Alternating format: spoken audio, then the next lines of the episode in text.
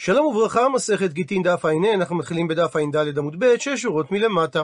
וראשית נזכר לגבי פדיון בית שנמכר בעיר חומה. שהתורה אמרה, ואיש כי ימכור בית מושב עיר חומה, והייתה גאולתו עד תום שנת ממכרו, ימים תהיה גאולתו. ואם לא ייגאל עד מלות לו שנה תמימה, וקם הבית אשר בעיר אשר לא חומה, לצמיתות לקונה אותו לדורותיו, לא יצא ביובל. בתים הנמצאים בתוך עיר שמוקפת חומה ממות יהושע בן נון, כגון תל אפק שנמצאת באמצע מבצר אנטיפטרוס, ליד מקורות הירקון, אדם המוכר בית בתוך עיר כזו, רשאי לפדות את הבית, זאת אומרת לקנות אותו מחדש, בתוך 12 חודש מיום המכירה, ואפילו ביום המכר עצמו. וכשהוא רוצה לפדות, הוא מחזיר לקונה את כל הכסף שקיבל ממנו, ואינו גורע כלום. אם אין המוכר גואל את הבית מן הקונה תוך שנה, עובר הבית לצמיתות לרשות הקונה, וגם ביובל הוא אינו חוזר לבעליו הראשונים. מה שבעצם אומר שדין זה נוהג רק בזמן שהיובל נוהג. ואומרת הגמרא, תננתם, שנינו שם בתוספתא במסכת הארכין. בראשונה, היה קונה בית בעיר חומה, נטמן, דהיינו הוא מחביא את עצמו ביום האחרון של השנים עשר חודש, כדי שלא ימצאנו המוכר לתת לו את מעותיו. והוא עשה כך כדי שיהיה הבית חלוט לו. בעקבות כך התקין הלל הזקן שיהיה חולש את מעותיו, זאת אומרת זורק, מטיל את המעות שלו ללשכה, או שהכוונה ללשכה בבית המקדש, או שהכוונה למושב בית דין, וזה נחשב שהוא קנה חזרה את ביתו, ויהא שובר את הדלת של ביתו, ונכנס, ומתי שירצה הלה, יבוא וייטול את מעותיו מאותה לשכה. עד לכאן לשון התוספתא, ואמר רבא שמן תקנתו של הלל נשמע, שמה שאמרה משנתנו שבעל שאמר לאשתו הרי זה גיתך על מנת שתתני לי 200 זוז, ונתנה לו, אז רק אם היא נתנה לו מדעתו של הבעל היא מגורשת, אבל אם נתנה לו את המעות על כורחו של הבעל היא אינה מגורשת. הוא מסביר רבא איך הוא הסיק את הדבר. מדאיץ צריך לי להלל לתיקון הנתינה בעל כורחי דהביה לנתינה, מזה שהלל היה צריך לתקן תקנה שאומרת שנתינת מעות הפדיון גם בעל כורחו של הקונה נחשבת כנתינה המועילה לפדיון, הפכנו דף מכלל, מזה תסיק, דבעלמא, שבשאר המקומות שבהם הלל לא תיקן תקנה מיוחדת, נתינה בעל כורחי לא הביה נתינה.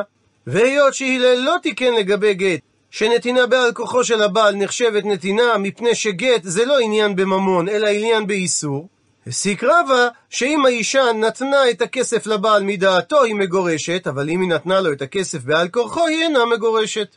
מה תקיפלה מקשה על כך רב פאפא, ואיתמה ויש אומרים שהקשה את זה רב שימי בראשי, ודילמה אולי כי יצטריך לי, מה שנצרך הלל לתקן, זה היה רק לתיקוני מצב שלא בפניו.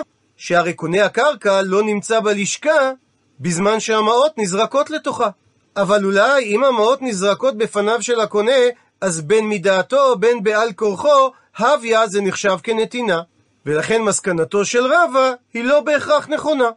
ואיכא דאמרי, ויש גורסים את מהלך הדברים בדיוק להפך, שבעקבות דברי הלל בתוספתא אמר רבא, שמתקנתו של הלל ניתן להסיק שבעל שאמר לאשתו, הרי זה גיתך על מנת שתתני לי 200 זוז, ונתנה לו, זה לא משנה בין מדעתו נתנה לו ובין בעל כורחו, האביה זה נחשב נתינה.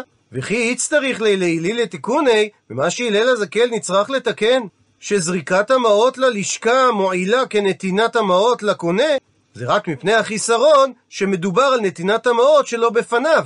אבל אם נתינת המעות הייתה בפניו, אז זה לא משנה בין מדעתו בין מעל כורחו, הביה זה נחשב נתינה. מה תקיפלה מקשה על כך רב פאפא ואיתימה ויש אומרים שהקשה את זה רב שימי בראשי? שמי אמר שזו המסקנה המוכרחת מתקנתו של הלל?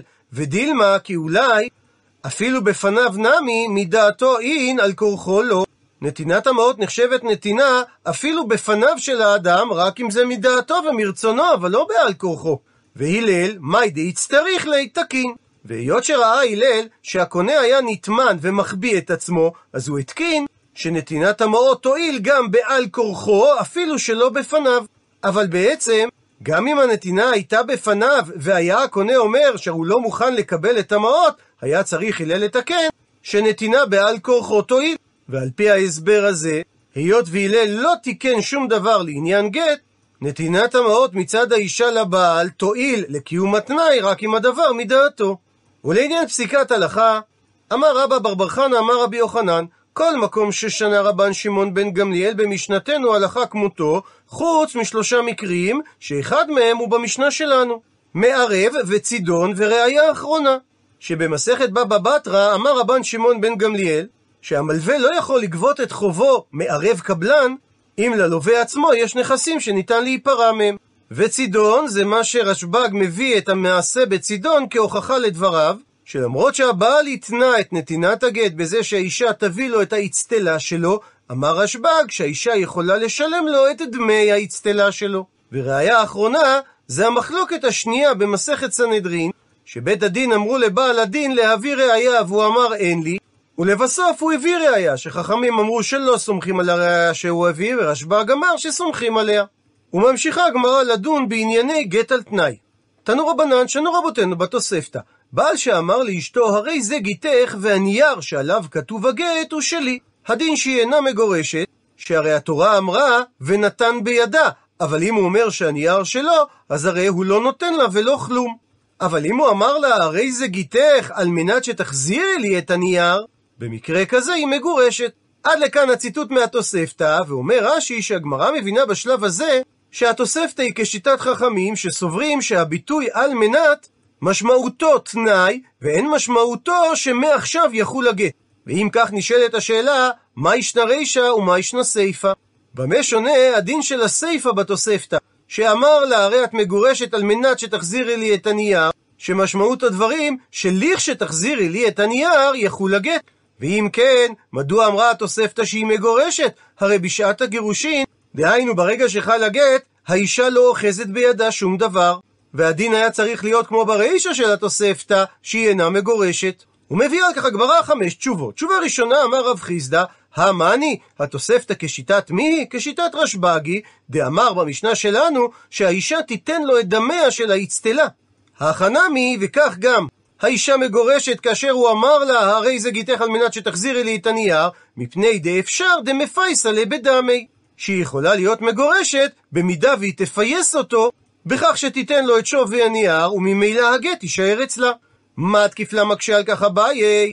אימור, תאמר, שמה דאמר רשב"ג, במשנה שלנו שהאישה יכולה לתת לו את דמי האצטלה, זה רק היכא דלייתא בעיני. שהבעל מתרצה לקבל ממנה את שווי האצטלית רק כאשר האצטלית לא נמצאת בפועל. אבל איך הדאיתא בעיני מי אמר? אבל האם במקרה שהאצטלית נמצאת בפועל, יסכים הבעל לקבל את שווי האצטלית במקום את האצטלית עצמה? ודאי שלא. ולכן לא ניתן להסביר שהתוספתא היא כשיטת רשב"ג, ושהאישה יכולה לתת לו במקום את הנייר של הגט, את שווי הנייר. אלא אמר אביי תשובה שנייה, המאני, התוספתא כשיטת מי היא? כשיטת רבי מאיר היא.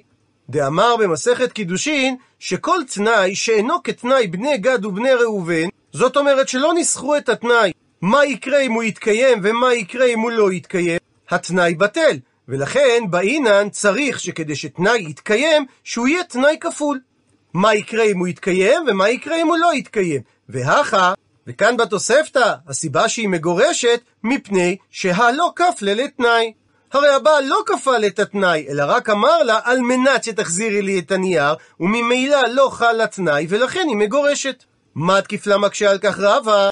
לפי דבריך אביי, תמה דלא כפלה לתנאי? הסיבה שהיא מגורשת מפני שהתנאי לא חל כי הוא לא כפל את התנאי, זאת אומרת, הא, אם הוא כן כפלה לתנאי, אז התנאי היה חל וממילא לא הווה גיתא, הגט לא היה חל, מכדי, אבל הרי כל תנאי באשר הוא, מהיכא גמרינן לו, מהיכן לומדים אותו? מתנאי בני גד ובני ראובן. וכיוון שהוא המקור ללימוד דיני תנאים, אז רק תנאי שזהה לעקרונות של תנאי בני גד ובני ראובן יהיה תנאי תקין.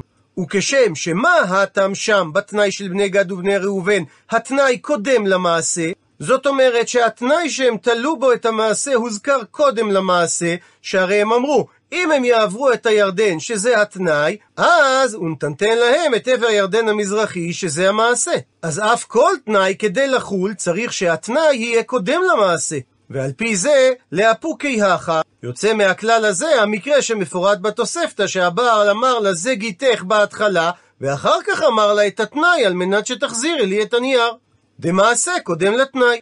אלא אמר רב התשובה השלישית, שהסיבה שהיא מגורשת משום דמעשה קודם לתנאי, וממילא התנאי לא חל. ועל פי ההסבר הזה, התוספתא מתאימה גם לרבי מאיר וגם לרבנן, שהרי הם לא נחלקו בגמרא במסכת קידושין, אלא רק בעניין הצורך לכפילת התנאי.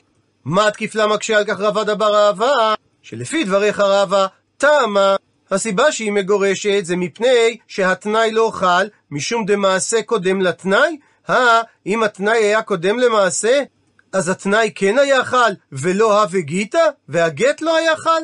מגדי והרי כל תנאי, מאיך הגמרינן לו, מהיכן לומדים את כל התנאים? מתנאי בני גד ובני ראובן.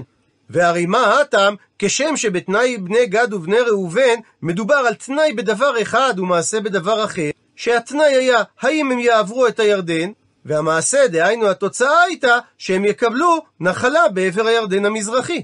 אף כל תנאי כדי לחול, צריך שהתנאי יהיה בדבר אחד והמעשה בדבר אחר. לאפוקי יחא, וממילא יש להוציא מהכלל הזה את המקרה שבסיפא של התוספתא, הפכנו דף, מפני ששם דתנאי ומעשה בדבר אחד. שהתנאי מתייחס לגט עצמו שהיא צריכה להחזיר את נייר הגט לבעל, ובמקביל הגט הוא המעשה עצמו שהרי הוא מכיל את הגירושין.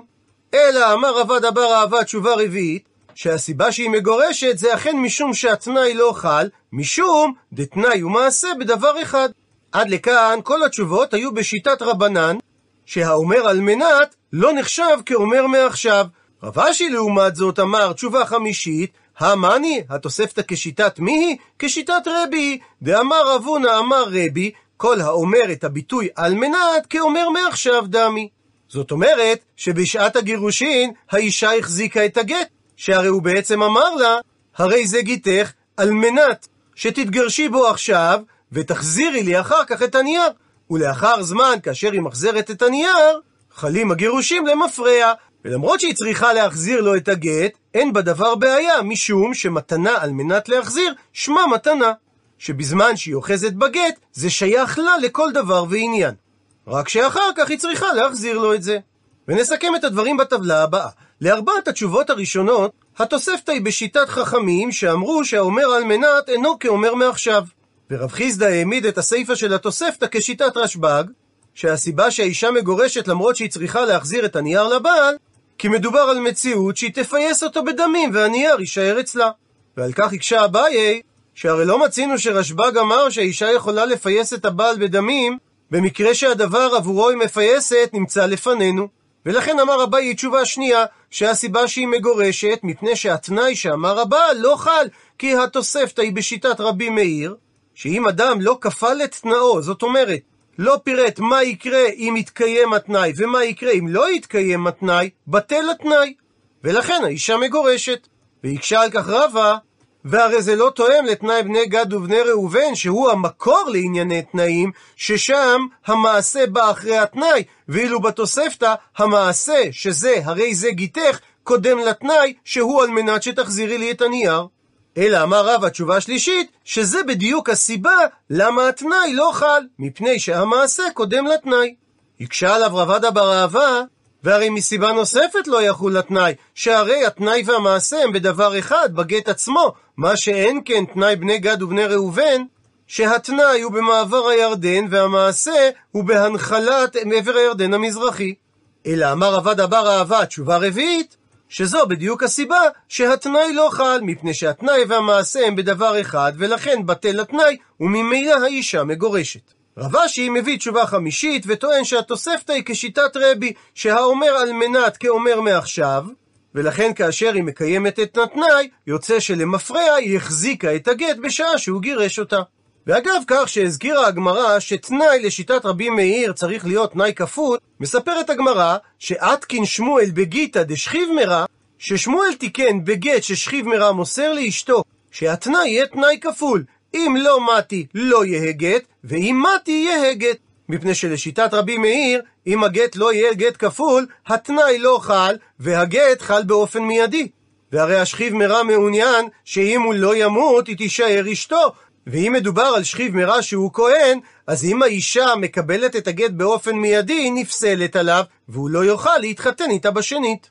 ומקשה הגמרא על הניסוח של התנאי, ולימה, מדוע שלא יאמר קודם כל אם מתי יהא גט, ולאחר מכן, ואם לא מתי לא יהא גט.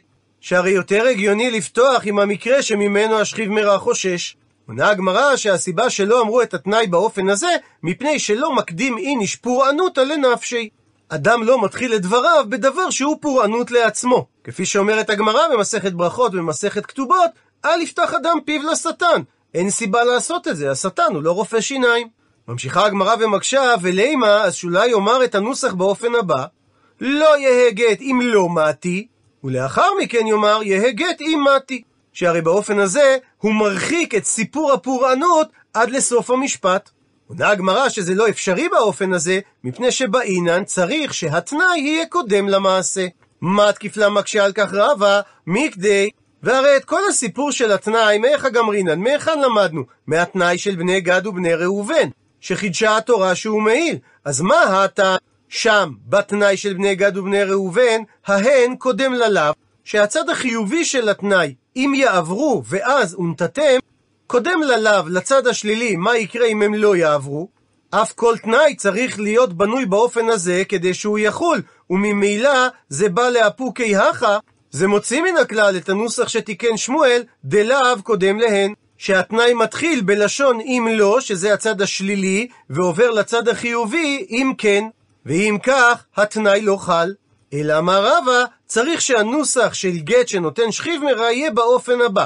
קודם כל, אם לא מתי לא יהא גט. ולאחר מכן, אם מתי יהא גט, אם לא מתי לא יהא גט. באופן הזה, הנוסח נפתח במילים אם לא מתי לא יהא גט, מפני שלא מקדים איניש פורענותא לנפשי, אדם לא מתחיל את דבריו בפורענות לעצמו, ואז מגיע לשון התנאי בעצמו, אם מתי גט, אם לא מתי לא גט, מפני שבאינן צריך שההן יהיה קודם ללאו. ואומרת המשנה, אדם שאמר לאשתו, הרי זה גיתך, על מנת שתשמשי, דהיינו תשרתי את אבא, או שאמר לה, על מנת שתניקי לי את בני.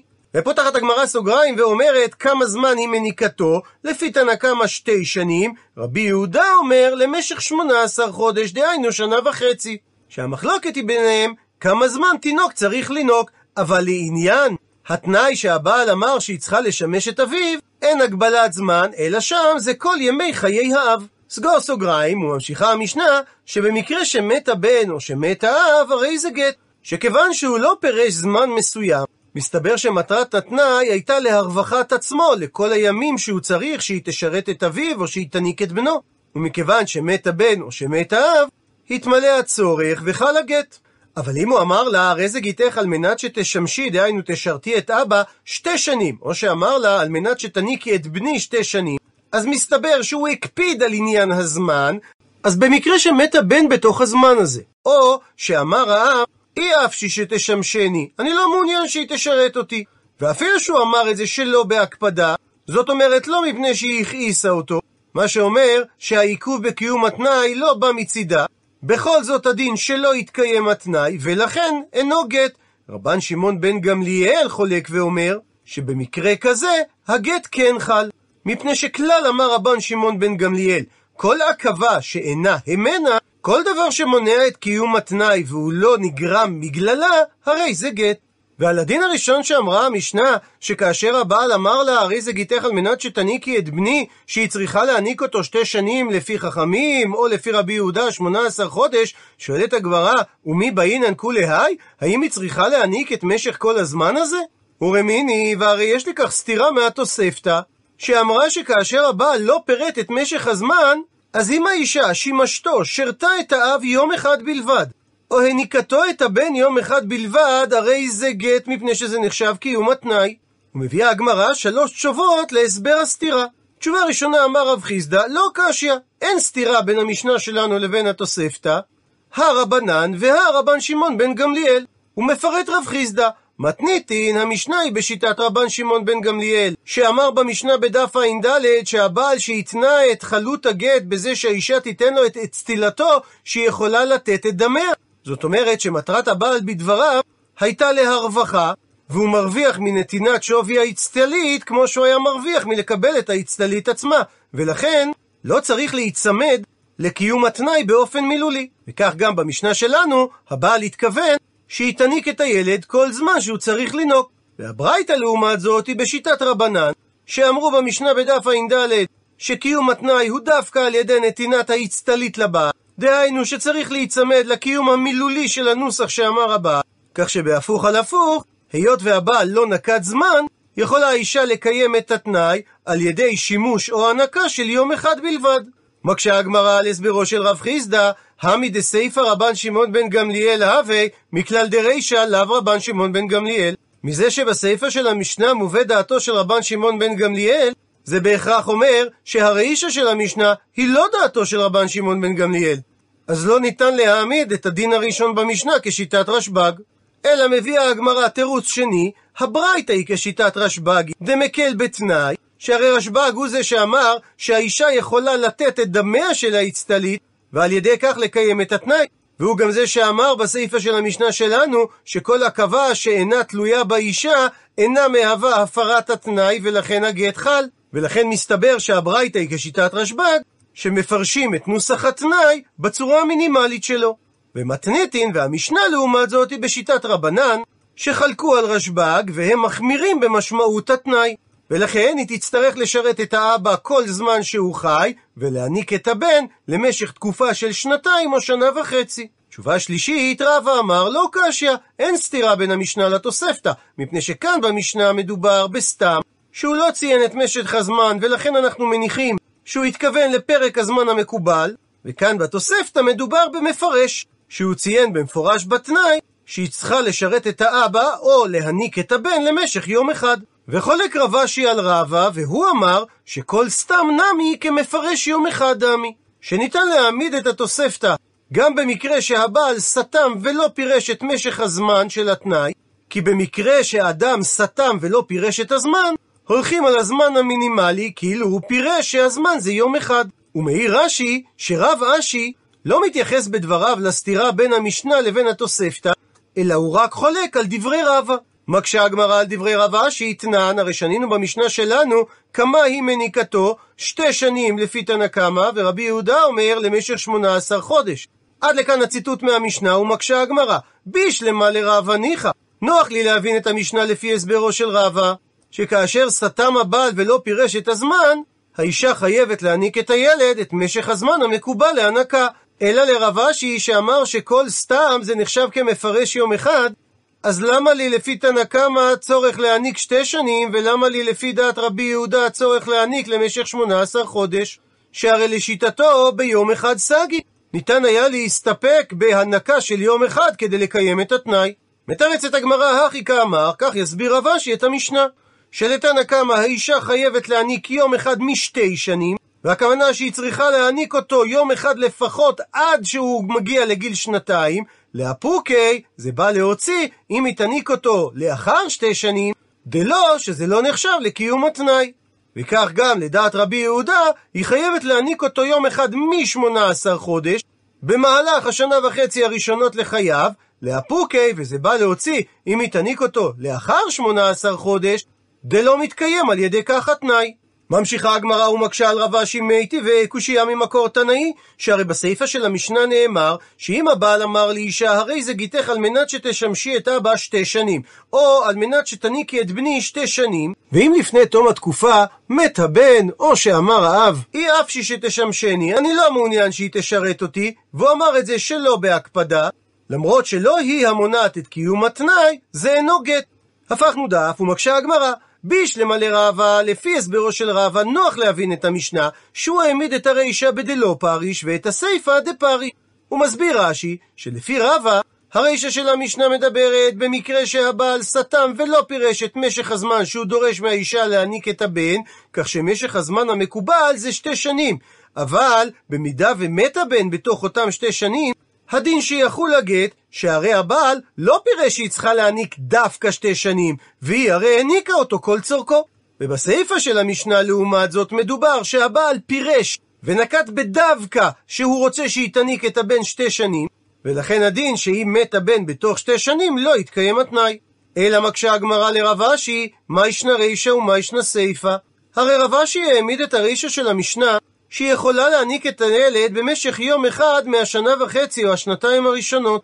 מה שבהכרח אומר שדברי המשנה שכאשר מת הבן או שנפטר האב, מדובר על מציאות שהבן מת והיא לא העניקה אותו כלל.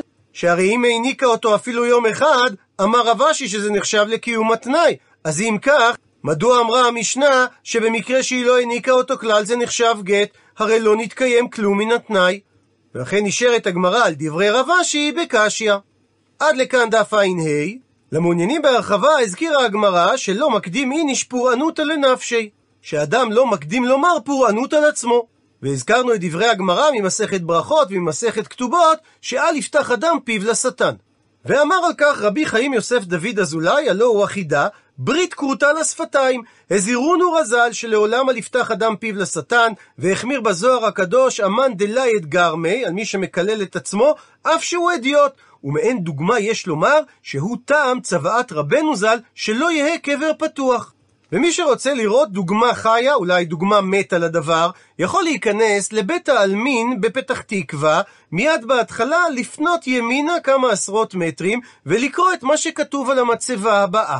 הנפטר הראשון בבית הקברות הזה, איש ישר, בר אוריין הישיש, רבי ניסן לייבר, רבי חיים ז"ל גמזו מפינסק, איש גלמודי, שעלה לארץ יחד עם בני עירו שהתיישבו במושבותינו, והתבטא כעשרה ימים לפני פטירתו בהיותו בריא ושלם, ואמר שהוא לא היה מתנגד להיות הראשון בבית הקברות הזה. ונלקח לבית עולמו ביום י"ט תשרי תרמ"ט. תהא נפשו צרורה בצרור החיים.